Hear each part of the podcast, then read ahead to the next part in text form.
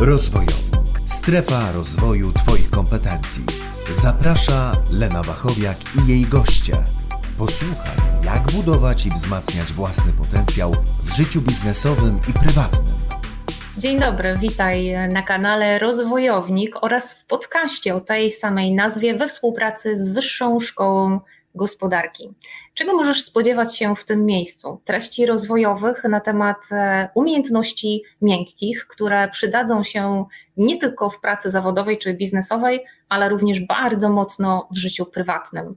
To tutaj spotkasz się z bardzo ciekawymi ludźmi, którzy właśnie o tych umiejętnościach opowiedzą.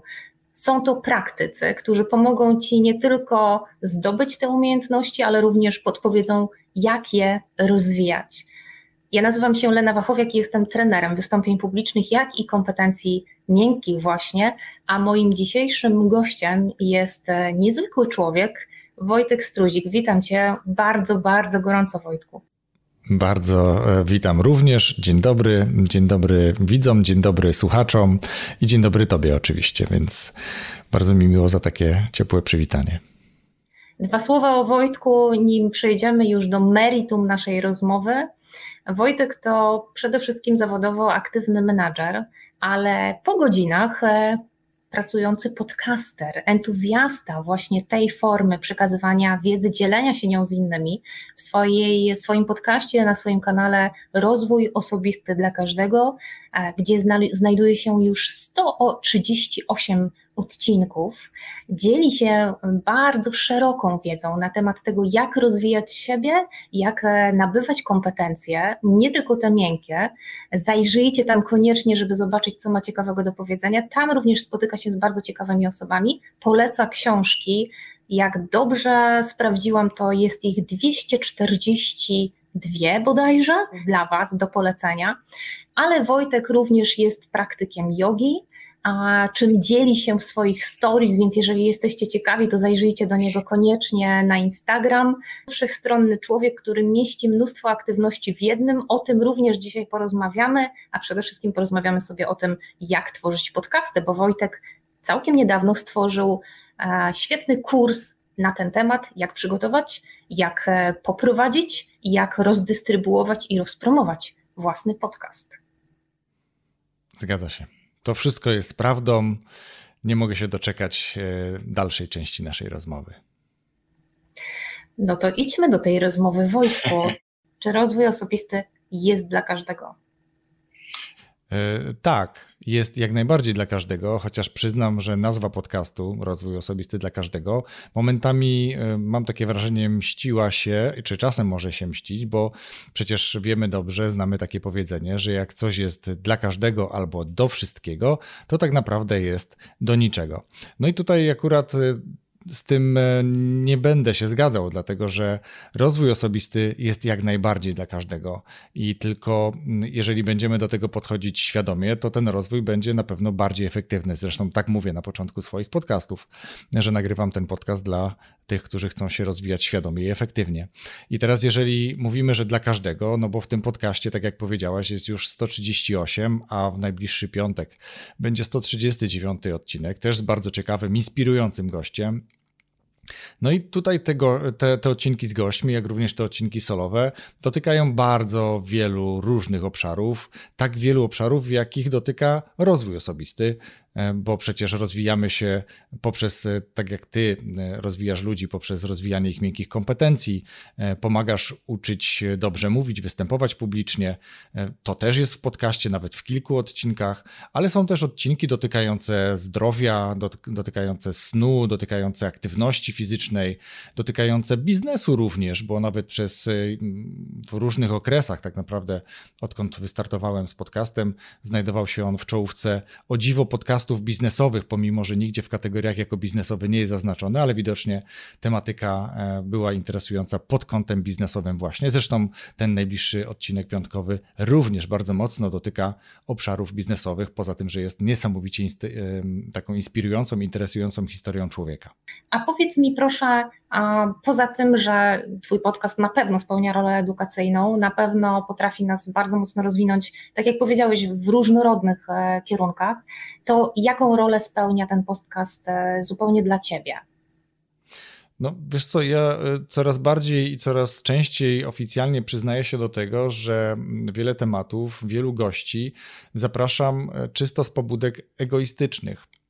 Zapraszam dlatego, że w danym momencie interesuje mnie ta konkretna dziedzina rozwoju, czy, czy dziedzina biznesu, zdrowia i też oczywiście, że podcast ma blisko 30 patronów, którzy, którzy go wspierają, wspierają w rozwoju, więc też e, sugeruje się sugestiami mm, patronów właśnie. Oni często też proponują gości. Gościom, których ja przedstawiam im na grupie, e, naszej zamkniętej grupie, zadają pytania, które ja później cytuję w podcaście, ale generalnie bardzo często sam wybieram gości, wybieram tematy, bo dany obszar mnie interesuje, więc ten podcast też w dużej mierze, oprócz tego, że jest oczywiście dla każdego, tak jak powiedzieliśmy na początku, jest też dla mnie. I ja dzięki temu, że e, po pierwsze zacząłem słuchać podcasty, o tym mówiłem na konferencji, którą również organizowałaś, to e, w momencie, kiedy zacząłem sam organizować, produkować mm, podcast własny, e, no tu się bardzo mocno uruchomił mój własny rozwój osobisty i, i myślę, że to jest też taka myśl, coś, co komuś może dodać skrzydeł, że w momencie, kiedy czuje, że ma jakieś pokłady, które chciałby rozwinąć, wciągnąć na wyższy poziom, to uruchomienie na przykład podcastu w tym temacie, w tej dziedzinie, w tej kategorii może mu to bardzo ułatwić. No właśnie, e, ten podcast, tak jak powiedziałeś, rozwinął Ciebie, doprowadził Cię na różnorodne sceny, bo dzisiaj e, również pojawiasz się na wydarzeniach branżowych, konferencjach. Mieliśmy przyjemność gościć Ciebie również na naszej scenie, z czego, za co jestem ogromnie wdzięczna. Twoje wystąpienie, Twoja prelekcja jest do odsłuchania, także e, chętnych również zapraszam, bo tam przemyciłeś bardzo dużo cennej wiedzy na temat tego, w jaki sposób tworzyć podcasty, więc również odsyłam. Natomiast wspomniałeś też o dwóch kluczach, według jakich dobierasz mówców. E, z jednej strony jest to Twoja prywatna selekcja e, z takich czysto, jak to nazwałeś, egoistycznych pobudek, z drugiej strony sugestie od Twoich patronów, z którymi współpracujesz. A czy jest, istnieje jeszcze jakiś inny klucz, e, jakieś kryterium, wedle którego dobierasz swoich rozmówców? Czy są osoby, z którymi rozmawiasz e, niezwykle chętnie i z jakiego powodu, a czy są takie osoby, których na pewno nie zaprosisz i dlaczego? Wiesz co, no to już przy tych 130, blisko 140 odcinkach e, wydarzyło się wiele różnych sytuacji, jeśli chodzi o kwestie gości. Zaczynając od samego początku, kiedy nie masz jeszcze nagranego żadnego materiału i pytasz osoby, które chcesz, żeby wsparły cię swoimi zasięgami, bo umówmy się, gramy w otwarte karty, tak to też wygląda. E, nie będę dopisywał tutaj jakiejś ideologii, po prostu szukam również gości, którzy e, nie tylko są w stanie ciekawie opowiedzieć, podzielić się wiedzą, doświadczeniem, ale też mają swoje własne zasięgi. To jest też sposób, o którym mówię w kursie również, na poszerzanie zasięgów danego podcastu, tak żeby jakby cały czas go rozwijać. E, ale tak naprawdę wydarzają się też takie sytuacje, kiedy. Mm, i tu już trochę nauczony doświadczeniem, wiem, kiedy być trochę bardziej asertywny, a kiedy e, po prostu na przykład się zgodzić, bo mm, przy tej ilości odcinków i przy tym zasięgu już tego podcastu bardzo często też piszą do mnie osoby, że chciałyby na przykład wystąpić tutaj. Zresztą ja swoich kursantów do tego zachęcam, żeby pisali do gospodarzy podcastów e, z prośbą o udział i co mają do zaoferowania w związku z tym. Natomiast ja e, coraz częściej odraczam to w czasie, żeby mieć y, tę przestrzeń na to, żeby posłuchać, pooglądać osoby, która chce być gościem w tym podcaście.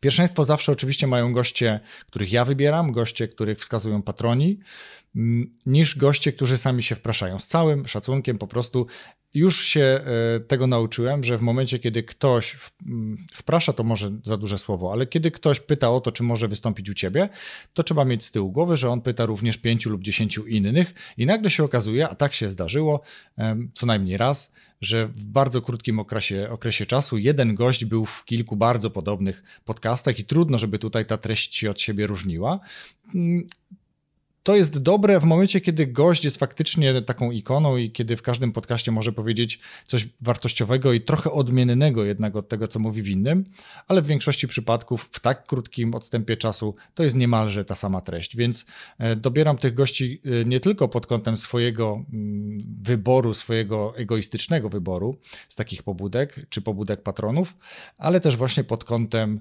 zasięgów, i tego, co ci goście mogą dać słuchaczom w postaci swojego doświadczenia czy konkretnych wskazówek rozwojowych czy biznesowych. Ty bardzo też e, często wspominasz o tej współpracy, o tym, w jaki sposób wychodzić do innych osób, które mogą nam zwiększyć zasięgi, które mogą nam trochę utorować drogę, trochę ułatwić zadanie. Powiedz mi proszę, jak to się stało, jak do tego doszło, że wybrałeś sobie, że upodobałeś sobie podcast jako taką formę dzielenia się z publiką, ale też e, rozmawiania z gośćmi. Dlaczego to podcast? E, bo to jest niedawna historia. Tak naprawdę, mimo że masz już 138 odcinków i jest z czego wybierać, i te odcinki są takie bardzo merytoryczne, ciekawe, że warto do nich sięgnąć, to ta historia podcastu wcale nie jest u ciebie taka długa, więc tutaj się dzieje bardzo dynamicznie. Dlaczego podcast? Wiesz co, i, i, długa, i niedługa, tak można byłoby powiedzieć, dlatego że w, w, takim, nazwijmy to, świadku podcastowym, e, podcasterzy, którzy regularnie publikują dwa lata na przykład, tak jak ja już w grudniu będzie, czy w styczniu tak naprawdę będzie trzy lata, więc za kilka miesięcy będzie trzecia rocznica podcastu, to są już e, traktowani jako weterani.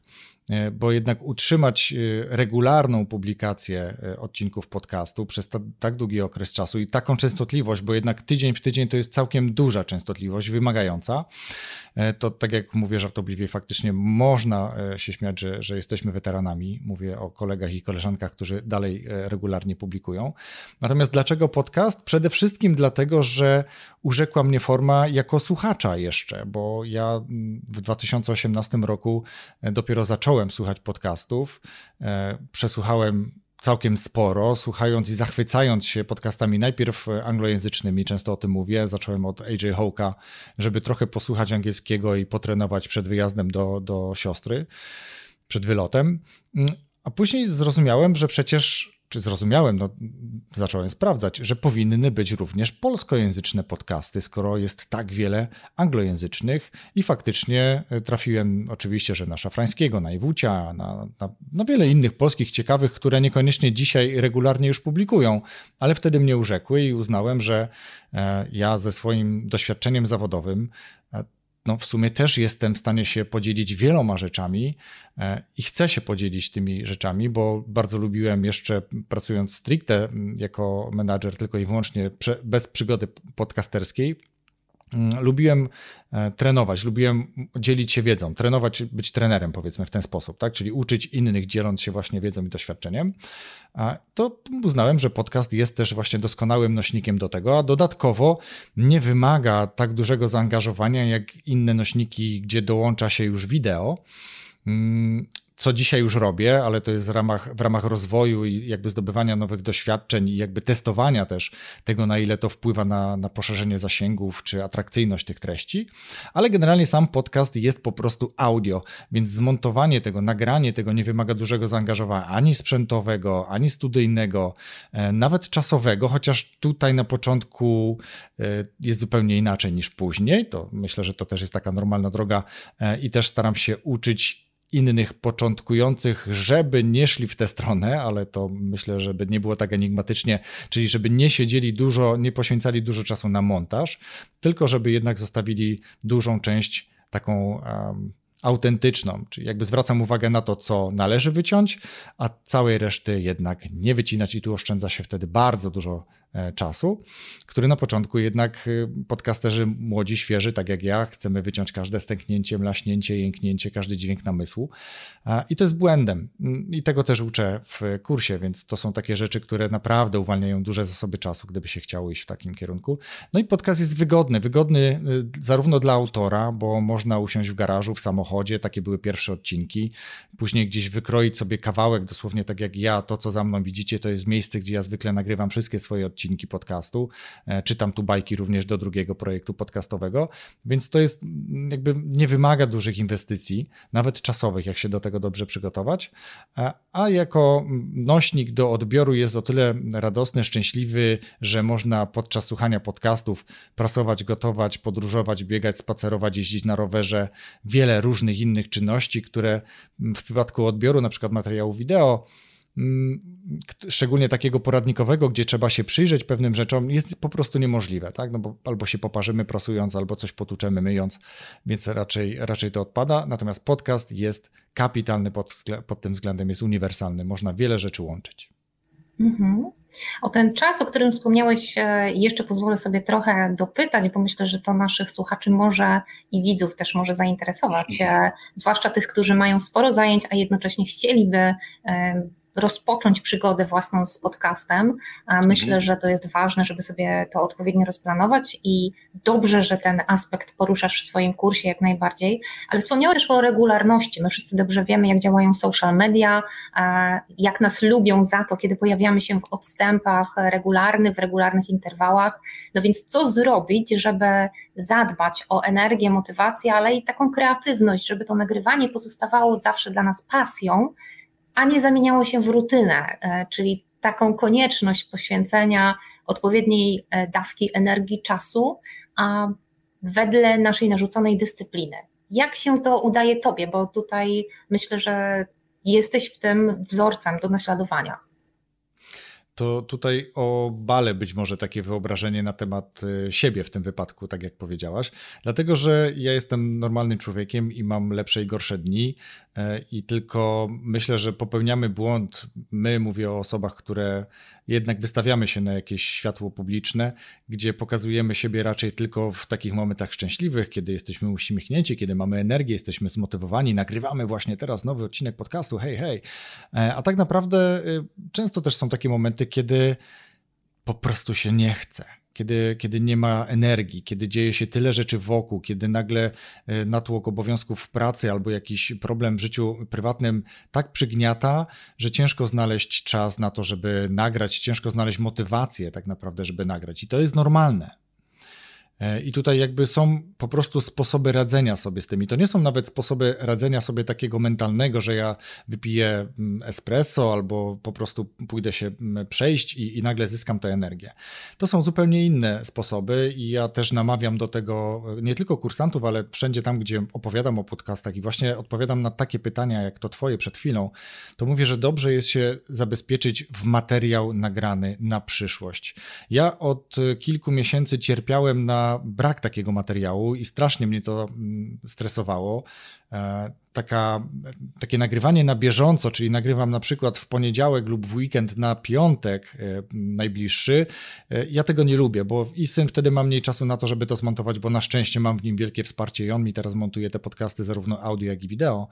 Mm, I dlatego warto jest mieć nagrane kilka materiałów. Dzisiaj na przykład mam nagrane trzy odcinki do przodu, więc jestem spokojny i na upartego mogę nic nie robić przez najbliższe co najmniej 2,5 tygodnia i teraz mogą się dziać różne rzeczy, czy to po stronie zawodowej, czy tutaj jakby prywatnej, kiedy e, ciężko mogłoby mi się zebrać e, na to, żeby nagrać nowy materiał. I to jest jeden z najważniejszych dla mnie e, takich motywatorów, czy sposobów radzenia sobie z tym.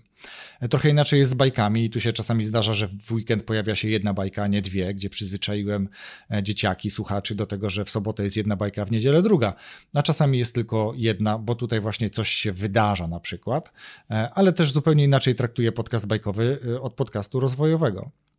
Innym sposobem jest jeszcze to, że ja u mnie działa, tak mogę powiedzieć, y, u mnie działa coś, co nazwałem sobie PPP.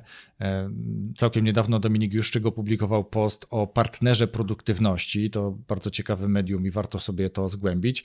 Natomiast ja nazwałem to trzecie P jako publiczny partner produktywności, czyli ja oficjalnie mówię co będę robił i wywiązuję się z tego, bo obiecałem, tak? Czyli jeżeli powiedziałem, że będzie co tydzień odcinek podcastu, to on od 2019 roku, od stycznia jest co tydzień w piątek. Natomiast y, Zmieniła się tylko forma, bo jeżeli ktoś będzie chciał posłuchać pierwszego odcinka, którego ja nie słucham i mam dreszcze, jak tylko sobie o nim pomyślę, bo jest tam dużo błędów i zupełnie innej jakości ten odcinek jest w stosunku do tych odcinków bieżących, no ale to też pokazuje drogą, jako, drogę, jaką się pokonuje od początku gdzieś do, do, do, do, do chwili obecnej. Więc zmieniła się forma, tak? Inny był pomysł na początku, że będę robił z gościem i solo, z gościem i solo, później jednakże solo i dwóch gości, a później tak naprawdę się okazało, że przez pewien czas byli sami goście, praktycznie nie miałem żadnych odcinków solowych, e, ale na szczęście są słuchacze, którzy są zaangażowani, są patroni, którzy mówią Wojtek, no my chcemy posłuchać odcinków solowych, e, podobają nam się one, dają nam dużo wartości, więc zadeklarowałem, że przynajmniej jeden odcinek solowy w miesiącu będzie i znowu od tamtej pory przynajmniej przynajmniej raz w miesiącu odcinek solowy jest, więc to są moje sposoby radzenia sobie z tym. Natomiast no, no, warto jakby przygotować się na to, że są gorsze momenty, e, a najgorsze, co podcaster może zrobić, to zrobić sobie, a dobra, nie opublikuję w piątek. W moim przypadku piątek. E, no i kiedy ja to opublikuję? W sobotę, niedzielę, czy sobie odpuszczę zupełnie ten piątek? Nie? Więc tutaj jest jakby kilka takich e, wątków. No i druga sprawa, którą też często robią, e, często ci, którzy zawieszają działalność, e, bo ja to, to rozumiem i jakby szanuję i, i, i rozumiem, że być może kiedyś ja też będę chciał z tego korzystać, czyli na przykład zaczynają się wakacje, to ja robię przerwę na dwa miesiące. Tylko niektórzy nie mówią, że na dwa miesiące, tylko ja teraz robię przerwę. E, I żeby wrócić z tej przerwy, to znowu u mnie na pewno zadziałałoby powiedzenie, że wrócę e, z nowym odcinkiem podcastu w piątek E, tego i tego dnia, tak? I wtedy jakby wiem, że muszę się wywiązać z tej deklaracji. No jeżeli bym jej nie poczynił, to ten piątek byłby następnym piątkiem, a być może tym za dwa tygodnie, a być może ta przerwa zrobiłaby się z dwóch miesięcy półroczna, roczna lub przestałbym publikować. Więc tych sposobów radzenia sobie jest na pewno kilka i warto przetestować takie, które będą się sprawdzały e, konkretnemu twórcy. No do mnie absolutnie przemawia, jako że jestem fanką działania na e, zwyżce energii, czyli wybierania tych najlepszych momentów i, i wtedy mhm. dawania z siebie jak najwięcej. Jestem fanką tego pomysłu o hurtowym nagrywaniu, czyli przygotowaniu e, kilku odcinków e, po to, by mieć taki rezerwuar na wypadek, gdyby coś się wydarzyło, a, a my możemy wówczas wyciągnąć taki odcinek jak z rękawa i opublikować Dokładnie. bez stresu, że nie mamy materiału i nie możemy dotrzymać danego słowa, czyli potwierdziłeś tutaj moją, moje przypuszczenie, moje założenie, że ta dyscyplina i regularność są niezbędne, no, choćby z tego względu, że, że nasza społeczność e, przyzwyczaja się po prostu, ma nawyk e, czekania i otrzymywania e, w konkretnym czasie i miejscu e, tego, co obiecujemy. No i jeżeli robimy sobie przerwę, to faktycznie warto o tym poinformować, bo po prostu inaczej możemy tracić wiarygodność w oczach tych, tych naszych odbiorców. A idąc dalej jeszcze, Wojtku, i mówiąc o cieniach przygotowywania podcastów, czy jest jeszcze coś, czego nie lubisz, co niespecjalnie przypada Ci do gustu, co chętnie byś wyeliminował, poza tym entuzjazmem i, i tą przyjemną stroną pracy nad podcastem. Wiesz co, mm, są takie drobnostki. Na szczęście są to drobnostki. Taką drobnostką jest na przykład przygotowywanie wpisu do każdego odcinka podcastu, czyli muszę poświęcić jakiś wieczór, tudzież po, popołudnie po to, żeby e, napisać chociaż kilkuzdaniowy wstęp do tego, że pojawi się nowy odcinek podcastu, że, że jest, czego on dotyczy. I to jest jakby coś, na co coraz trudniej jest mi znaleźć czas i jakby nie czuję też, że jest to miejsce, które mogę outsourcować, gdzieś delegować do kogoś, e, tak jak mogę i co zrobiłem z chęcią i z powodzeniem, delegowałem montaż do, do syna i to uwolniło mi niesamowite pokłady e, czasu, który mogę poświęcić na, nie wiem, przeszukiwanie e, sieci społecznościowych na przykład, bo najczęściej tak w ten sposób poszukuję gości do tego, żeby znaleźć kogoś interesującego dla słuchaczy podcastu, czy skupić się na innych projektach, których też jest niemało w mojej aktywności pozazawodowej, więc to, to jest naprawdę warte, żeby to wziąć pod uwagę, żeby to e, zaplanować sobie być może już nawet na etapie tworzenia podcastu, bo mm, tutaj taka drobna anegdota, czy też dygresja tak naprawdę. E, kiedy słuchamy polskich twórców, polskich e, kursów, jak zrobić podcast, jak zrobić dobry podcast, bo jest już ich kilka. Jeden z lepszych i najbardziej znanych to pewnie podcast, e, kurs Marka Jankowskiego, Podcast Pro. Mój od niedawna również e, i, i jest ich jeszcze więcej tak naprawdę. I każdy ma jakiegoś swojego odbiorcę i każdy gdzieś znajduje swojego klienta. Jeden więcej, drugi mniej. Każdy ma jakiś swój cel biznesowy. I my w tych kursach najczęściej mówimy, jak montować, uczymy najczęściej Audacity, bo jest to taki najbardziej popularny popularny program, trochę toporny, ale prosty. Mm, pokazujemy inne programy, ewentualnie w bardziej lub mniej detaliczny sposób, jak samemu sobie zmontować odcinek podcastu. Natomiast kursy, głównie amerykańskie, które są, w tym momencie mówią, znajdź kogoś, kto będzie ci montował. I to jest bardzo duża różnica. I teraz, jeżeli ktoś się zastanawia nad tym, e, żeby uruchomić własny podcast, e, no to już daliśmy wcześniej informację, żeby nie koncentrować się i nie poświęcać zbyt wiele czasu na montaż, e, ale też, żeby rozważyć, bo są osoby, które zajmują się tym profesjonalnie i to kosztuje odpowiednie pieniądze. I podcasty biznesowe, podcasty mm, wypuszczane przez marki, przez firmy, przez średnie i większe firmy, podejrzewam, że nie mają problemu z takim budżetem. Ale już taki Kowalski i Nowak, który uruchamia podcast takich pobudek e, właśnie czysto mm, związanych z hobby, z pasją, mm, być może gdzieś tam na końcu myśli o tym, że kiedyś zacznie to monetyzować, no to na starcie nie będzie go stać na to, żeby taka osoba e, edytowała czy przygotowywała ten materiał do publikacji. Ale są też miejsca i sposoby znalezienia osób, e, bardzo często są to młode osoby, e, które e, miały plany kiedyś być może marzenia być jakimś wielkim youtuberem i zarabiać duże pieniądze, miliony monet, jak to dzieciaki mówią, a teraz y, po prostu oferuje swoje, swoje usługi na różnych grupach w mediach społecznościowych i to są naprawdę przystępne pieniądze za całkiem przyzwoitą jakość, więc jakby jest alternatywa. E, przepraszam chłopaki, ale no muszę to powiedzieć uczciwie, jest alternatywa do, do tych firm czy osób, które zajmują się tym profesjonalnie. No, warto to przetestować, to tak zupełnie na, na marginesie. Ale to wracając do Twojego pytania, pisanie tych tekstów to jest jakby taka jedna rzecz. Dzisiaj pewnie ciężko by mi było wrócić do montowania, więc kiedy syn przyjdzie kiedyś i powie, tata, ja już nie chcę tego robić, to będę miał zagwostkę. Myślę, że czas się powoli tym zacząć e, interesować. A z takich rzeczy, które, które są ciemną stroną jeszcze, to myślę, że. Mm, Szczególnie na początku e, swojej podcasterskiej przygody ciemna strona to statystyki, czyli zbyt częste zaglądanie w momencie, kiedy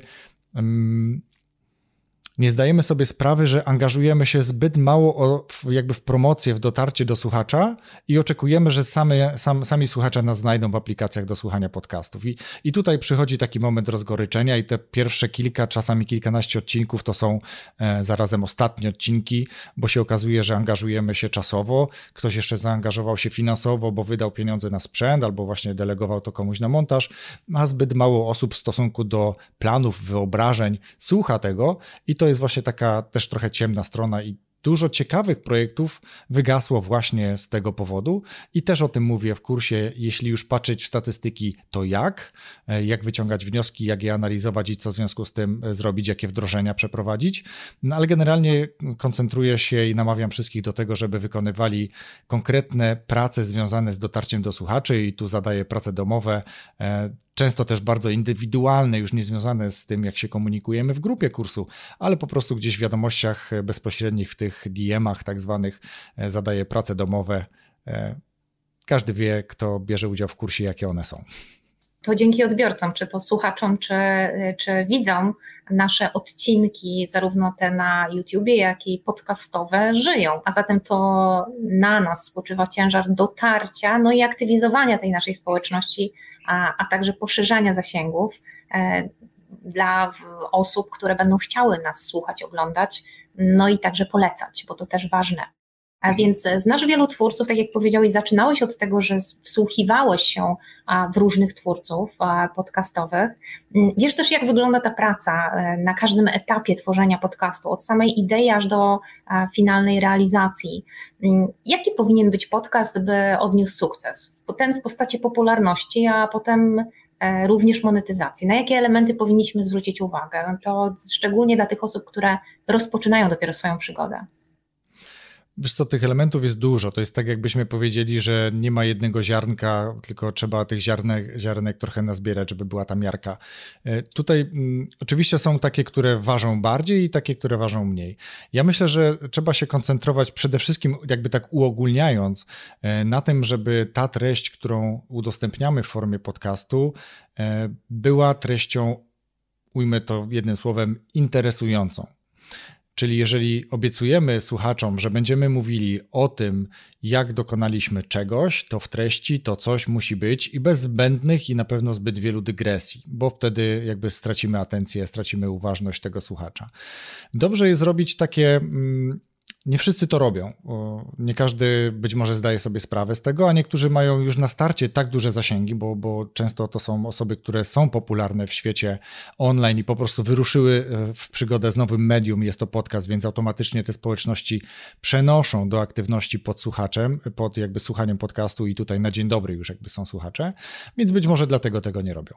Ale dobra praktyka jest taka, żeby podcast rozpoczął się czymś, co będzie interesujące. To jest dokładnie ta sama metoda, która jakby ma przykuć, zainteresować e, odbiorcę pisanego posta w mediach społecznościowych, czyli to pierwsze zdanie, jakiś wykrzyknik, kolorowa bombka świecąca, cokolwiek, co przykuje wzrok, zatrzyma na ułamek sekundy dłużej niż, no, niż normalnie, też działa w podcaście.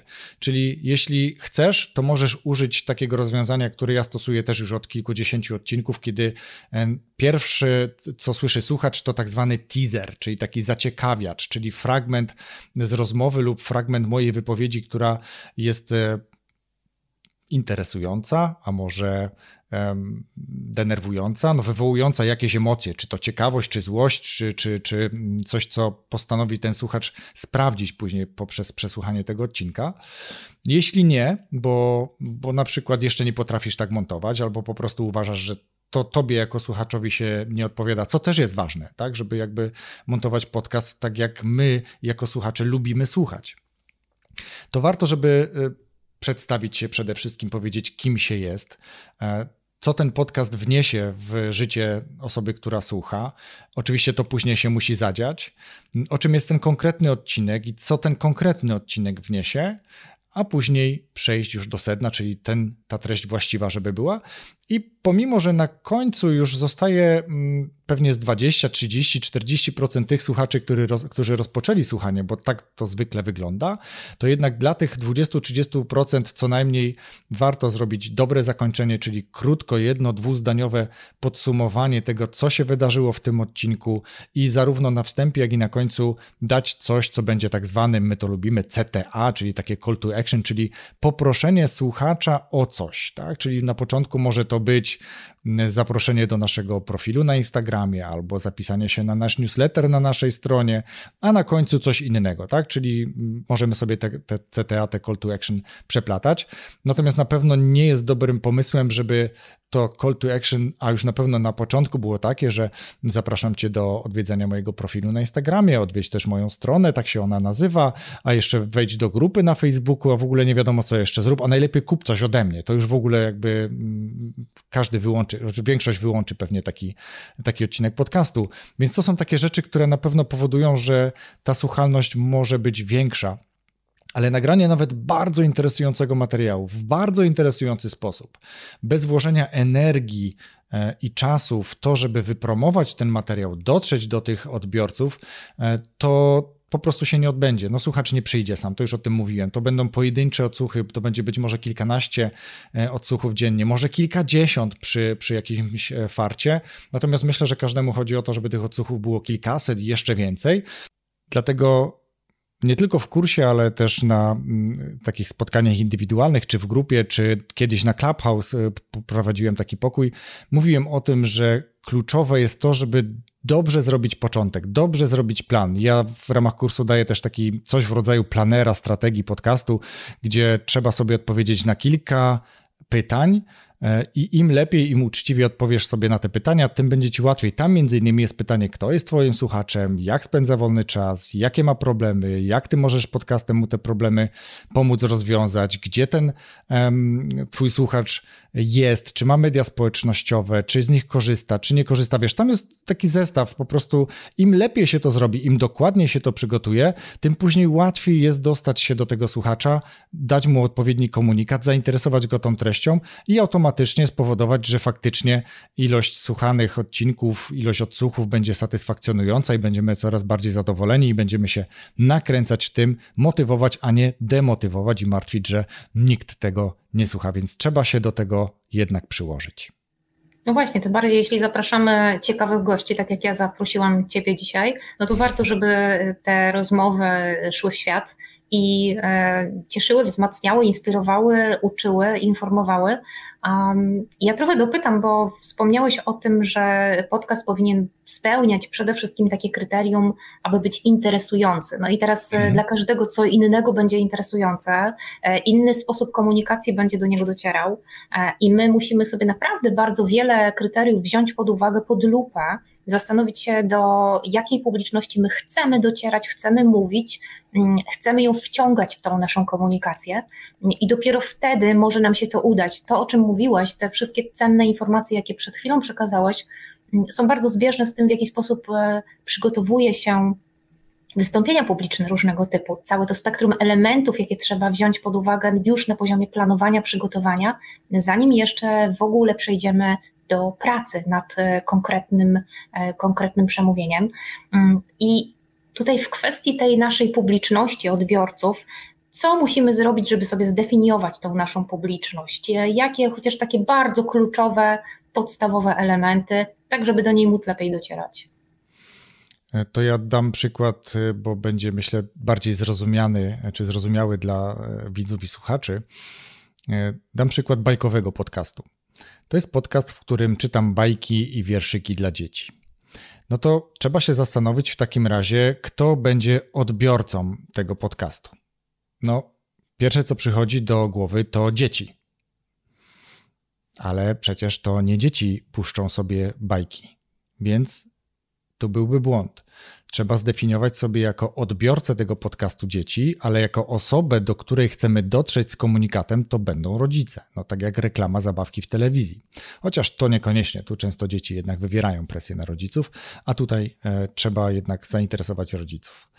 E, i teraz, jeżeli mówimy o rodzicach, no to możemy y, wrzucać po prostu na ślepo posty na, na, y, w media społecznościowe, prędzej pewnie na Facebooka i Instagrama niż LinkedIn, jeśli mówimy o, o takiej komunikacji. I, I, potwierdzam, bo faktycznie tak jest, ale też to, to będzie takie znowu szczelanie na oślep, tak? Czyli każdy to zobaczy, a zarazem nikt tego nie zobaczy. Więc znowu trzeba sobie zdefiniować, jeżeli już wiemy, że podcast jest dla dzieci, komunikat musi być do rodziców, to trzeba się zastanowić, co, jaki problem ja tym swoim podcastem rozwiążę rodzicom.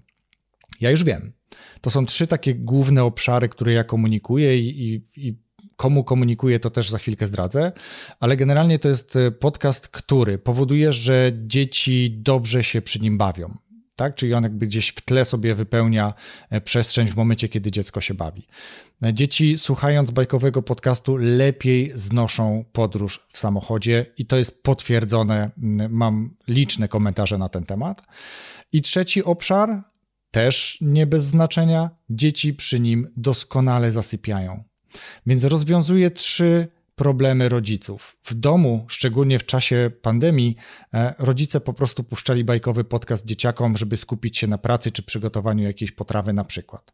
W momencie, kiedy już było łatwiej, można było jeździć, a przecież bajkowy podcast jest starszy niż pandemia, więc można było go słuchać w trakcie nawet dłuższych podróży na wakacje. I to też jest sprawdzone. A z kolei przy zasypianiu to dostaję też liczne komentarze i miłe słowa od rodziców, że e, czasami sami wręcz zasypiają przy bajkach ze swoimi pociechami. I to jest właśnie to, że ja przedstawiam korzyść dla słuchacza bajkowego podcastu, dla rodzica przy okazji.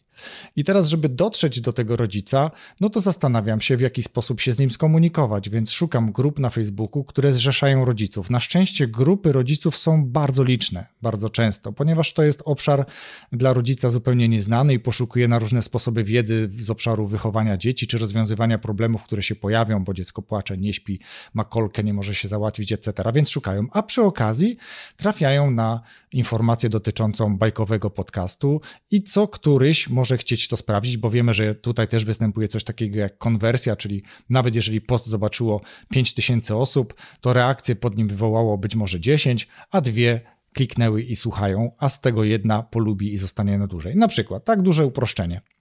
Ale to jest taki uproszczony schemat. Lokalizowania i docierania do tego słuchacza. To, co dalej mogę zrobić, co też robię w takich wolniejszych momentach, to z kolei wynajduję grupy przedszkoli albo przedszkola i tam też zachęcam do tego, żeby opiekunowie w czasie na przykład leżakowania czy innych przerw czy zabaw w tle mogli puścić bajkowy podcast. Mało tego, mm, są słuchacze e, z przedszkola, są opiekunki z przedszkoli, które słuchają czy puszczają bajkowego podcastu, a nawet w bajkowym podcaście jest bajka napisana przez dzieci z przedszkola razem z opiekunkami. Tam była wielka radość, kiedy mogli posłuchać sobie bajki, którą samą napisali w bajkowym podcaście, który już znali i lubili.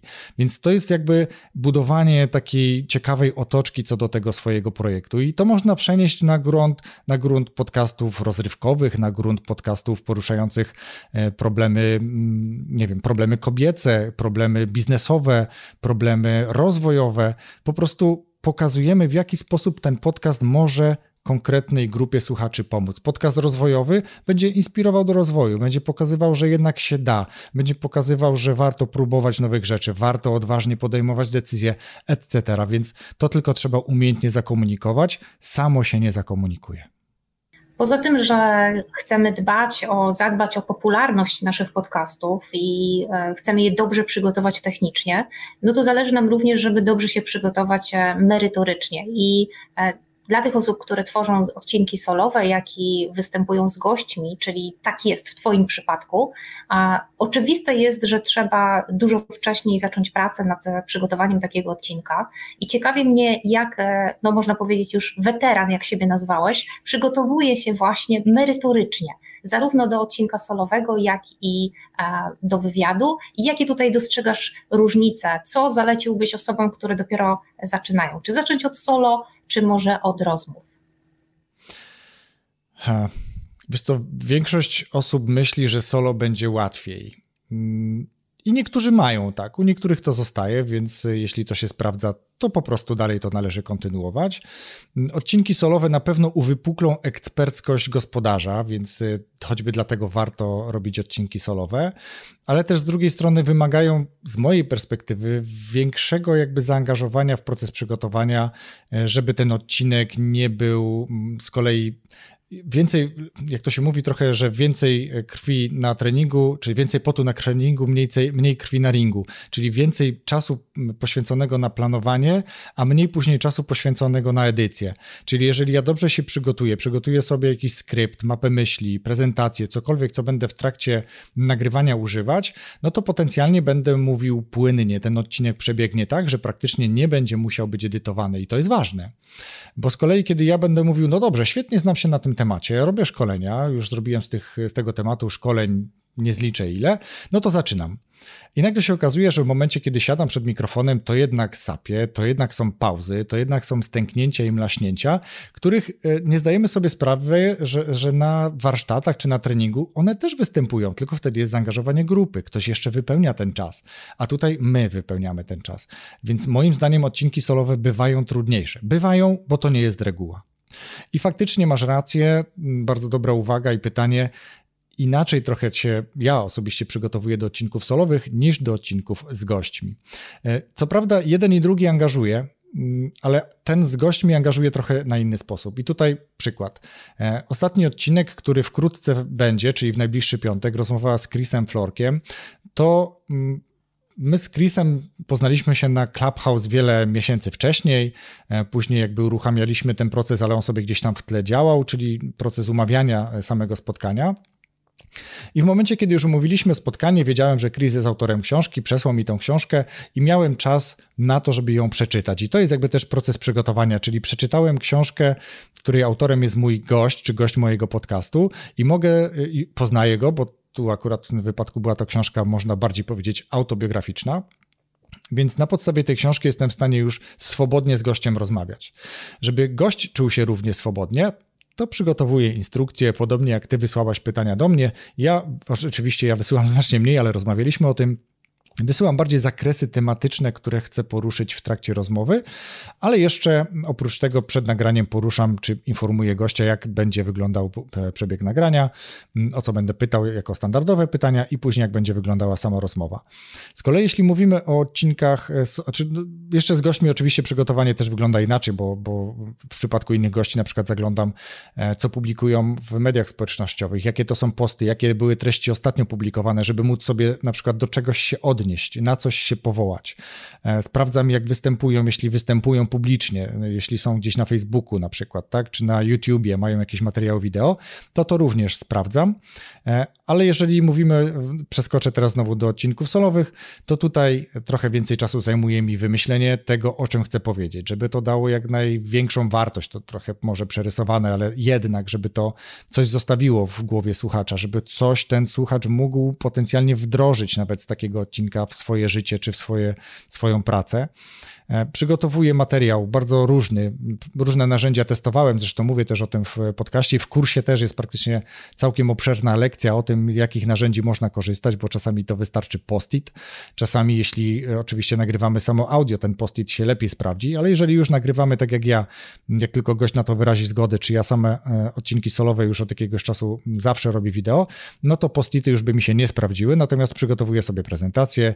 Mam taki układ szczęśliwy w mieszkaniu, gdzie nagrywam że prezentację wyświetlam sobie na telewizorze, na który zerkam, bądź wyświetlam sobie mapę myśli. No i to są takie sposoby, poprzez które się poruszam, i wtedy jestem pewien, że nie ominę istotnych tematów, o których chciałem powiedzieć, ale też nie będę zbyt odbiegał od meritum, e, od tego, o czym faktycznie chciałem powiedzieć. No bo jest taka zasada też trenerska, że najpierw powiem, o czym będę mówił, a później to mówię, i to faktycznie musi się tutaj też zadziać w podcastach, czy to z gościem, czy to w odcinkach solowych. Przygotowanie, moim zdaniem, jest bardzo, bardzo ważne. Zawsze to samo powtarzam, jeśli chodzi o wystąpienia publiczne, że y, to przygotowanie ściąga naprawdę potężny ładunek stresu, a jednocześnie no, daje taki komfort, że y, mamy dużą szansę, że nam się po prostu powiedzie i, i, będzie to zarówno interesujące, jak i merytoryczne i strukturalnie poprawne. I idąc krok dalej, jeżeli mamy już showtime, mamy ten y, wywiad i on jest i on trwa, E, czy masz swoje sposoby na dostosowanie się do stylu gościa? Bo wiemy o tym, że e, każdy jest inny, każdy ma swoje preferencje, inaczej mówi, inaczej słucha, e, inaczej wchodzi w interakcję. W jaki sposób ty sobie z tym radzisz? Wiesz co, to jest bardzo trudne. Mm, to jest bardzo dobre pytanie, ale też trudna odpowiedź i trudne dostosowanie się, bo jeśli ja sam wybieram sobie gościa, to w większości przypadków bardzo dobrze go użyję takiego słowa, inwigiluję w sieci, czyli właśnie sprawdzam to, o czym mówiłem, jak mówi, jaką ma energię, e, jaką ma gestykulację, jak się zachowuje, jakim jest potencjalnie człowiekiem, czyli rozmówcą. E, I wtedy mam większą pewność, że ta rozmowa będzie przebiegała w sposób swobodny, bo też na to zwracam uwagę swoim gościom, że to nam przede wszystkim ma się dobrze rozmawiać, bo to gwarantuje, że słuchaczowi będzie się tego dobrze słuchać. Sztywna, e, nadmuchana, nieprawdziwa rozmowa nie sprawdza się moim zdaniem w podcaście. Podcast to nie jest stricte wywiad, jak wywiad telewizyjny, nie wiem, gdzie dziennikarz gra pierwsze skrzypce i punktuje swojego gościa, wytykając mu na przykład jakieś tam e, błędy, bo to często tak wygląda. Zresztą nie oglądam telewizji, teraz może się zmieniło, ale wątpię.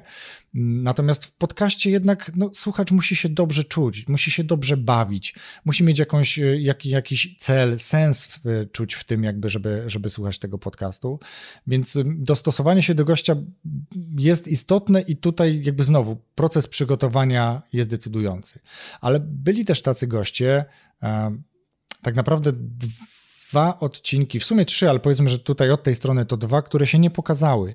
Jeden to taki, że swojego gościa nie poinstruowałem, jaki jest cel nagrania i on nie czuł swojej eksperckości w, w, tym, w tym materiale i uszanowałem to, ten odcinek się nie pokazał.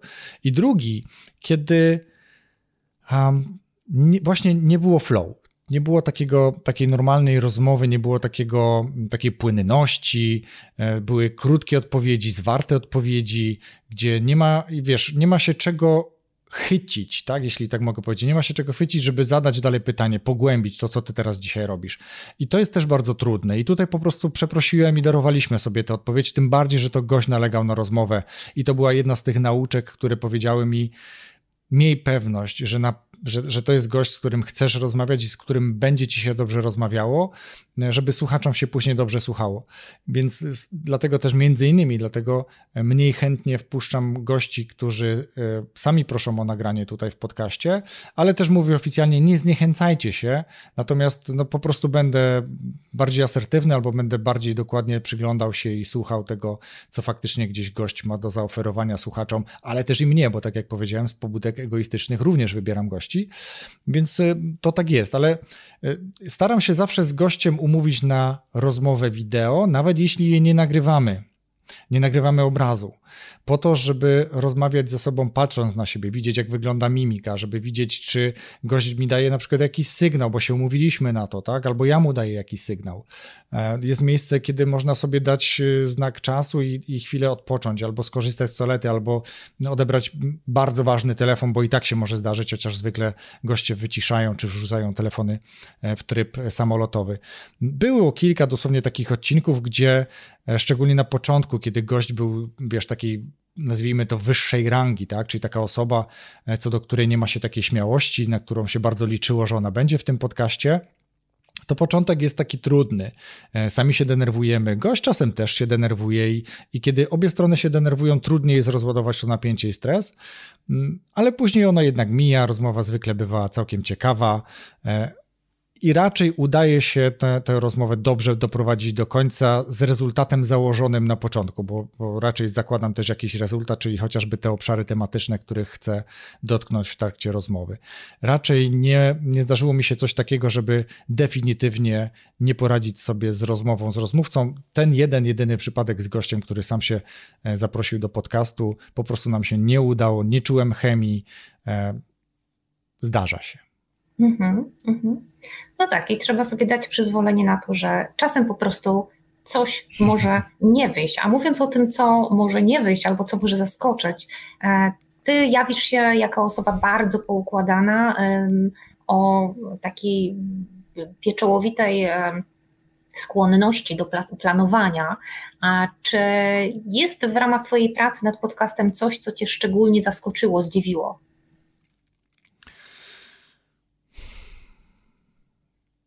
Sapnięcie, bo się zastanawiam, ale z takich zaskoczeń, poza zaskoczeniami e, w stylu awaria, coś się wydarzyło, chociażby tak jak w trakcie dzisiejszego naszego nagrania, e, to raczej nie. Raczej nie. W większości przypadków goście chętnie zgadzają się na udział w podcaście. W większości przypadków mm, całkiem sprawnie udaje się przeprowadzić całe nagranie. Udaje to być może niewłaściwe słowo, ale jednak powiedzmy, że to nagranie się przeprowadza, e, publikuje. Czasem są problemy po stronie technicznej, ale na szczęście, tak jak powiedziałem, już to delegowałem i martwi się tym mój syn. E, dosłownie w ostatnich chwilach czy w ostatnich tygodniach jeden odcinek, który miał być materiałem wideo, mm, był na tyle słab, słabej jakości wideo, że został tylko audio, no i, ale okej, okay, no jakby podcast z swojego założenia jest jednak medium audio, więc tutaj jakby wszystko jest ok. E, ale jedyne, co mogę powiedzieć w odniesieniu do Twojego pytania, to głównie problemy techniczne, które zaskakują. Wszystko inne raczej przebiega dosyć, e, dosyć gładko i nie przypominam sobie nic takiego, co by, co by mnie zaskoczyło poza awariami. I to jest mistrzostwo przygotowania i planowania właściwego. Jeżeli się odpowiednio zabezpieczymy, to E, co najwyżej może nam się skończyć prąd albo coś innego awaryjnie może wyskoczyć. Tak, e, Wojku, a, a czego się nauczyłeś? Poza tym, że oczywiście no, władasz e, w tej chwili umiejętnością przygotowania podcastu, ale przy okazji nabyłeś mnóstwo innych umiejętności. Które z tych, które z nich uznajesz za najbardziej korzystne dla Ciebie? Co Cię najbardziej rozwinęło i w jakim kierunku? Wiesz co, rozwinęło mnie bardzo, natomiast ja jeszcze cały czas widzę bardzo dużo obszarów, które chcę rozwijać i które planuję rozwijać i wykorzystywać atuty, które dzisiaj mam, po to, żeby one były jeszcze bardziej wartościowe, e, nie tylko dla słuchaczy podcastu, ale być może do wykorzystania poza samym projektem podcastowym. Natomiast takich rzeczy, które się nauczyłem, to na pewno coś, o czym wspomniałaś, czyli takie kwestie związane z planowaniem, chociaż gdyby moja żona wyjęła teraz słuchawki, to pewnie powiedziałaby, że no niekoniecznie, no bo są pewnie takie obszary, które, e, które nie wymagają tak złożonego czy tak istotnego planowania, a, mm, a później się okazuje, że no, gdyby jednak poświęcić te kilka chwil, to, to, to nie wydarzyłoby się coś takiego albo wydarzyłoby się coś pożądanego. Ale generalnie, jeżeli chodzi o takie kwestie prowadzenia projektów, no bo tych projektów trochę w tle jest, e, ty sama wspomniałaś o projekcie Najlepsze Polskie Podcasty, gdzie polecamy podcasty w newsletterze. E, to są konferencje, najbliższa konferencja w październiku, Międzynarodowy Dzień Podcastów Pyrcaster, którą organizujemy, która nas w tym roku angażuje też bardzo w, razem z trzema innymi e, współ, współorganizatorami. To są różne warsztaty czy, czy szkolenia, które również prowadzę, czy udziały w konferencjach, więc gdybym, no i oczywiście, że trzeba dodać e, moje życie zawodowe, bo pracuję cały czas na etacie, gdzie wyjeżdżam do pracy siódma po siódmej, jestem w pracy w okolicach przed ósmą tak zwykle, no i 17.30 powiedzmy gdzieś z pracy wyjeżdżam, więc w domu jestem po 18 no to policzcie sobie, że od tej 18 do wieczora to jest jeszcze ten czas, kiedy e, często jest stanie przy komputerze, właśnie przygotowywanie jakichś materiałów, e, udział w nagraniach, nagrywanie własnych projektów, nagrywanie bajek, e, wpisywanie w różne nasze tabele projektowe polecanych podcastów, przygotowanie samego newslettera najlepszych polskich podcastów, przygotowanie własnego newslettera, w tle od wielu miesięcy nagrywanie kursu,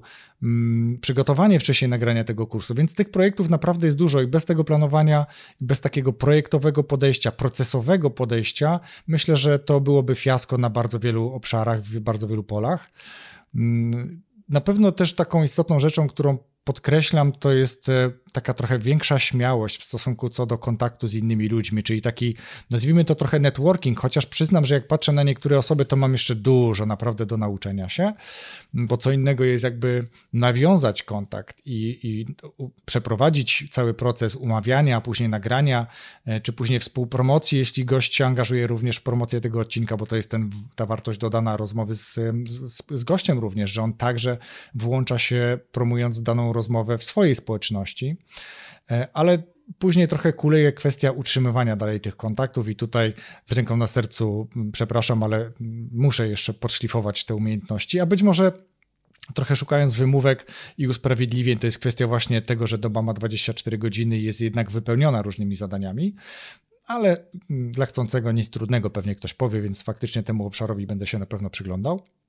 E, I coś, co zawdzięczam podcastom i na co zwracam dużą uwagę, w kilku moich odcinkach się pojawiło, wcześniej jeszcze przed podcastem, w kilku wpisach blogowych, których dzisiaj mm, nie kontynuuję, ale pewnie do tego wrócę, to jest takie, takie uświadomienie sobie konieczności zarządzania finansami osobistymi, czego zanim zacząłem słuchać podcastów, zupełnie nie znałem, bagatelizowałem, nigdy nie miałem e, jakby odłożonych pieniędzy i podcasty dostarczyły mi taką wiedzę, które pozwo która pozwoliła mi nad tym zapanować, tak? Zapanować i teraz, dzisiaj nawet dzielić się wiedzą z takich obszarów, które um, u osób, które być może myślą, że no nie mają możliwości e, odłożenia pieniędzy, um, czy, czy jakby zabezpieczenia swoich, e, swojej przyszłości niemalże, pokazuje, jak można to zrobić, samemu próbując to zrobić e, poprzez chociażby różne udziały w konferencjach. Czasem są to płatne konferencje, czy prowadząc szkolenia, warsztaty,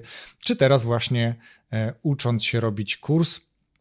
Kurs zrobiony, więc teraz uczę się e, drugiego kroku, trudnego bardzo kroku, chociaż nie miałem problemu ze sprzedażą w takim świecie analogowym, to uczę się sprzedaży również w tym świecie online. To jest duże wyzwanie. No i to, to są właśnie takie obszary, które gdyby nie podcasty, nigdy by się w moim życiu nie pojawiły. Nie wiem, jak dzisiaj spędzałbym czas, być może z pilotem e, na kanapie i oglądając jakieś filmy i seriale, chociaż czasem to też robię. Na pewno dzięki podcastowi dużo więcej czytam niż kiedyś. To też jest taka wartość dodana. E, pracuję nad tym, żeby jednak zapoznać się z jakimś materiałem od gościa albo chociażby sprawdzić, co po niektóre książki e, polecane przez gości podcastu, bo jak sama powiedziałaś, dzisiaj jest ich pewnie ponad 240, a dwa, na, na dwa lata podcastu było ich 200 i nawet przygotowałem taki materiał 200 książek na dwa lata podcastu, który no pobrało sobie tam chyba z 300 osób, jak się nie mylę, więc to też taka kapitalna informacja i 200 książek, które mogą inspirować e, słuchaczy i nie tylko słuchaczy podcastu, więc no podcastom mogę powiedzieć zawdzięczam bardzo wiele, żeby nie wyolbrzymić, ale czemu by nie, to po prostu nawet niemalże taką zmianę e, w życiu, dużą zmianę. Wiesz, kiedy tak Ciebie słucham, to aż trudno mi jest uwierzyć, że jest jakaś sfera, w której e, mogłobyś czegoś nie zaplanować, bo mieścisz tak wiele e, aktywności, projektów zakończonych, sukcesem prowadzonych. I jeszcze jedna taka refleksja, wspomniałeś o tym planowaniu, i myślę sobie, że jeżeli czujemy wobec czegoś pasję, że jeżeli chcemy faktycznie dopinać nasze cele, to dużo łatwiej jest nam się zdyscyplinować, zaangażować i e, tak rozplanować, żeby nam się to po prostu udawało. Coś o tym wiem. E, uczę również zarządzania sobą w czasie. Sama uczę się, jak robić to skutecznie, efektywnie, bo sama jestem osobą, która bardzo wiele rzeczy lubi mieścić i lubi przełączać się z aktywności na aktywność. E, I wiem, jakie to jest trudne. Wiem również, że jesteś fanem zdrowego stylu życia i między innymi dzielisz się tym, w jaki sposób ćwiczysz jogę. Robisz to codziennie, pokazujesz to na swoich storiesach. E, ja na początku, kiedy zobaczyłam e, to był dla mnie taki efekt wow, bo faktycznie te asany są wykonywane tak bardzo precyzyjnie, dokładnie. To naprawdę robi wrażenie. E, powiedz mi proszę, czy to, że zainwestowałeś właśnie w taki uporządkowany tryb życia, zdrowy styl życia, stawiasz na ten zdrowy styl życia, w jaki sposób to wpłynęło na ciebie, na, e, na twoją pracę nad podcastem chociażby, na twój ogólny rozwój? Jaką refleksją możesz się tutaj podzielić? Wiesz co, to na początku zdementuję to, co powiedziałaś. E, to, jest, to, jest, to jest trochę tak, że mm, właśnie media społecznościowe i zdjęcia oddają tę daną chwilę tę daną asanę, o której mówiłaś, natomiast nie pokazują tego, ile razy się chwieję, ile razy się przewróciłem na bok, ile razy gdzieś tam być może się potłukłem, co się normalnie dzieje. I tak faktycznie jest, no ale głupio pokazać takie zdjęcie, masz rację. I wrzucam te, które powiedzmy, że w miarę wychodzą, ale to, to też nie są jakieś zdjęcia, gdzie to nie jest sesja, po prostu ustawiłem sobie telefon na, na e, takich klockach, na których też czasem, czy których używam do, do ćwiczeń. I strykam co jakiś czas jakieś zdjęcie, żeby z jednej strony zobaczyć swój progres, ale z drugiej strony i przede wszystkim z tej strony pokazać innym, że można to robić, można poświęcać niedużą ilość czasu, ale codziennie, e, co później jeszcze książka, którą przeczytałem, Atomowe Nawyki, utwierdziła we mnie, że jakby jest to słuszny kierunek, że nieważne, czy to będzie 5 minut, czy 20 minut, czy tylko wyjście na matę, którą rozłożę na balkonie, to ten nawyk musi się jakby utrwalać, budować i to jest też jeden z eksperymentów, który no na szczęście z powodzeniem od chyba kwietnia prowadzę, jakbym tak e, policzył, chociaż te e, codzienne moje relacje nie są chyba od kwietnia, ale na początku jakby tak czy inaczej robiłem to codziennie. E, I to też nie jest do końca yoga, którą uprawiam, tylko raczej są to takie zestawy ćwiczeń z elementami, z elementami jogi, które pamiętam jeszcze z praktyk, kiedy chodziłem faktycznie często, czy regularnie, dwa razy chyba w tygodniu a co najmniej raz. E, I to są takie ćwiczenia, które mają trochę wzmocnić mięśnie głębokie, trochę rozciągnąć, trochę pobudzić, przygotować do lepszego dnia, żeby lepiej sobie z nim radzić. I faktycznie myślę, że to się, to się dzieje. Natomiast to jest też trochę tak, że um, tak jak nie widzimy, że na przestrzeni e, dni tyjemy, to po dwóch latach się okazuje, że mamy 10 kilo więcej. E, I tutaj tak samo, no, na przestrzeni tych kilku miesięcy ja nie czuję jakiejś wyraźnej poprawy, nie wiem, tam się nagle nie bardzo gibam, chociaż e, muszę powiedzieć, że te pierwsze wejścia na matę to było bardzo oporne, bardzo ciężko wykonywało mi się te niektóre ćwiczenia. Mm, ciężko było mi ustać w danej pozycji, bo po, po wielu miesiącach niepraktykowania jednak żadnych ćwiczeń poza niedzielnymi, dłuższymi spacerami, e, to tutaj był, było wyzwanie. I dzisiaj jakby robię to dalej z przyjemnością, czyli znalazłem sobie takie miejsce, które daje mi radość, oprócz tego, że faktycznie jest e, czymś, co może dać w perspektywie długofalowej zdrowie, czy, czy lepsze zdrowie, e, ale też na czym mi zależy właśnie to inspirowanie i motywowanie innych do tego, żeby sami spróbowali znaleźć jakąś swoją praktykę. Być może dla kogoś to będzie wyjście z psem na spacer i okej, okay, i to też jest fajne. Można raz iść szybciej, wolniej, robić jakieś pajacyki przy okazji, żeby podnieść sobie to, to ciśnienie i ta, e, tą energię na dzień.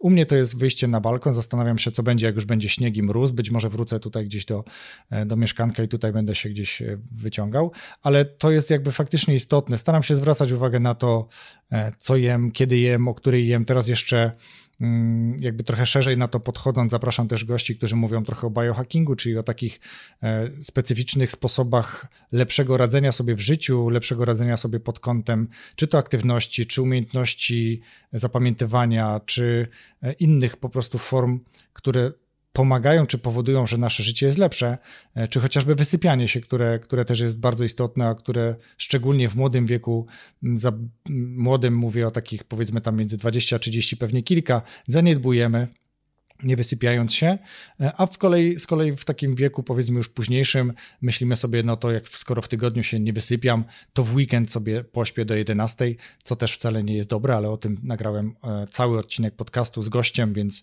e, do, do tego zapraszam, żeby posłuchać. I to, to są właśnie znowu te kolejne drobne ziarenka, które dają mi podcasty, zarówno te, których słucham, jak i te, które sam nagrywam, czy nagrywam z gośćmi. Wojtku, mnie absolutnie przekonałeś do tego, że mm, ze, słuchania podcastów, jak i tworzenia własnego podcastu płynie ogromna wartość. Um, przede wszystkim rozwój osobisty dla każdego. Zachęcamy do tego, żeby wejść na Twój kanał, odwiedzić, odwiedzać go regularnie, sprawdzać, e, co tam jest, bo rzeczywiście z tej różnorodności jestem przekonana, każdy może wybrać e, coś dla siebie, a tak jak powiedziałam, są tam perełki, które na pewno warto koniecznie wysłuchać i również obejrzeć. Z racji na to, że jesteśmy na kanale uczelnianym, co mógłbyś poradzić studentom, ale również wykładowcom, którzy chcieliby rozpocząć e, regularną pracę z podcastem właśnie? To przede wszystkim e, poleciłbym zacząć słuchać i myślę, że to jest taki pierwszy krok, bo znam raptem co najmniej jedną osobę, a tak gdybym się szybko zastanowił, to jedną, czyli e, tylko Marka Jankowskiego, który wystartował ze swoim podcastem Mała Wielka Firma, e, nie znając w ogóle podcastów, nie słuchając ich wcześniej. To jakby tutaj był impuls ze strony Pawła Tkaczyka. Natomiast wszyscy pozostali, których znam, zaczynają od słuchania. E, jeśli ta forma nie przypadnie ci do gustu, drogi studencie czy wykładowco, to myślę, że nie ma się co zmuszać. To umówmy się e, uczciwie, można poprzestać na tym, że się sprawdziło, wiem co to jest podcast i ta forma mi po prostu nie odpowiada i to też jest ok. Natomiast jeżeli słuchając czujesz, że jest to dla ciebie wartość, że te podcasty, których słuchasz pomagają ci rozwiązać twoje życiowe, codzienne lub spontaniczne jakieś pojawiające się problemy, mm, stajesz się dzięki temu bardziej efektywny, lepszy, szczęśliwszy być może, to pomyśl, czy Twoja wiedza i Twoje doświadczenia, tu bardziej do wykładowców, nie są też takim właśnie miejscem, które mogłyby poza salą wykładową znaleźć szerszą rzeszę odbiorców i docierać do ludzi, którzy chętnie tego będą słuchać. Bo ja na przykład bardzo chętnie słucham e, wykładów nagranych przez Uniwersytet SWPS, które wcale nie są w jakości y, super studyjnej, czy naprawdę wysokiej jakości, choćby nawet podcastowej, bo bardzo często są to umiarkowanej jakości nagrania, ale marka SWPS-u i marka wykładowców bardzo często powoduje, że chętnie się tego słucha.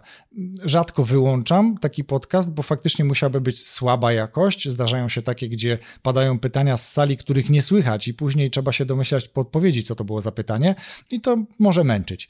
Natomiast wierzę, że bardzo wielu wykładowców na tej i innych uczelniach e, jest e, na tyle uzdolnionych i na tyle otwartych, że są w stanie dzielić się tą wiedzą i doświadczeniami znacznie szerzej wykraczając poza sale wykładowe. Natomiast jeżeli chodzi o studentów, to myślę, że tutaj koncentracja na słuchaniu, na słuchaniu bardzo szerokiego spektrum tematycznego podcastów, zarówno w tym obszarze, który Was interesuje w kierunku studiów, który macie, bo zakładam, że może być ten temat już poruszony. Jest bardzo niewiele tak naprawdę obszarów w podcastach, których nie ma, nawet w polskich podcastach, bo przecież można szukać znacznie szerzej, czyli nie tylko w polskojęzycznych twórców, u polskojęzycznych twórców, tylko wychodząc również chociażby za ocean, czy nie tylko, ale generalnie anglojęzyczne podcasty to jest już kopalnia, której nie sposób przesłuchać. A później, znowu, jeżeli odkryjesz w słuchaniu miejsce na swoją pasję, na dzielenie się swoimi również doświadczeniami, bo nawet młodzi ludzie mają bardzo ciekawe doświadczenia, są niesamowicie inspirujące bardzo często i już widać młode twarze, młode, bo myślę o swoim wieku, ale młode w sensie takie nawet dwudziestokilkuletnie osoby, które wystartowały z podcastami i robią to fenomenalnie, bo z jednej strony są bardzo otwarte na kwestie nowinek technologicznych, jakby z dużą łatwością do tego podchodzą, e, same sobie montują, mają wyobrażenie, podglądają twórców z oceanu, podsłuchują ich i robią naprawdę bardzo dobre audycje podcastowe, dzieląc się swoją pasją, opowiadając o tym, jak gotują, opowiadając o tym, jak podróżują, opowiadając o tym, jak wykonują pewne rzeczy, na przykład rękodzielnicze, jak panie, ale i panowie E, z włóczek wykonują przeróżne cuda, czy rzeźbią w drewnie, czy chociażby budują ule na e, dachach wieżowców w centrach miast. Więc tych tematów do podcastów jest naprawdę ogrom i nawet jeżeli jest już kilka w tym temacie, to nie oznacza, że twój podcast nie będzie słuchany. Może się okazać, że e, masz dar, masz talent, potrafisz to w taki sposób zbudować narrację tego podcastu, że będziesz słuchany, słuchana chętniej niż wszystkie inne audycje w tym temacie. To prawda i czasem warto nawet nie ulegać takiej e, psychologii tłumu, czyli e, wybierać tylko te podcasty, które mają bardzo dużo subskrybentów, bo zdarza się tak, że właśnie te niszowe podcasty mogą nam przynieść bardzo wiele korzyści. Oj, tak. Więc ile pasji, tyle podcastów, tyle odbiorców, bo każdy znajdzie własną niszę i własną grupę, która chętnie za nim podąży. E, Wojtku, to była dla mnie ogromna przyjemność. Myślę, że z tej rozmowy nasi słuchacze, nasi odbiorcy będą w stanie bardzo wiele inspiracji, ale i wiedzy zaczerpnąć. A czego mogę życzyć Tobie na koniec? Poza oczywiście bardzo dużą ilością wolnego czasu. Wiesz co, myślę, że e, nieustającej wytrwałości i tego, żeby dalej rozwijać ten projekt i uczestniczyć w innych bardzo interesujących, ciekawych projektach, które mogą dać e, innym e, słuchaczom, nowym słuchaczom jakąś wartość, ciekawe przeżycia, inspiracje. Tego właśnie życzę Ci podwójnie. Poza tym, że życzę Ci bardzo powodzenia we wszystkich Twoich e, projektach. Zapraszamy na Twój kanał, na Twoje media społecznościowe. Zapraszamy do zasubskrybowania newslettera, gdzie możecie dowiedzieć się masę nowinek na temat dobrych e, podcastów, ale i tego, jak tworzyć podcast. Zapraszamy na Pyrcast 2 e, października. O tym również możecie się dowiedzieć więcej na bieżąco z tego, co publikuję Wojtek.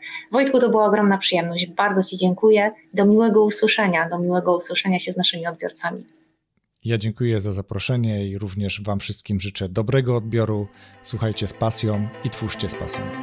Słuchałeś WSG Online. Podcast uczelni zaangażowanej. Więcej informacji na www.wsg.pl.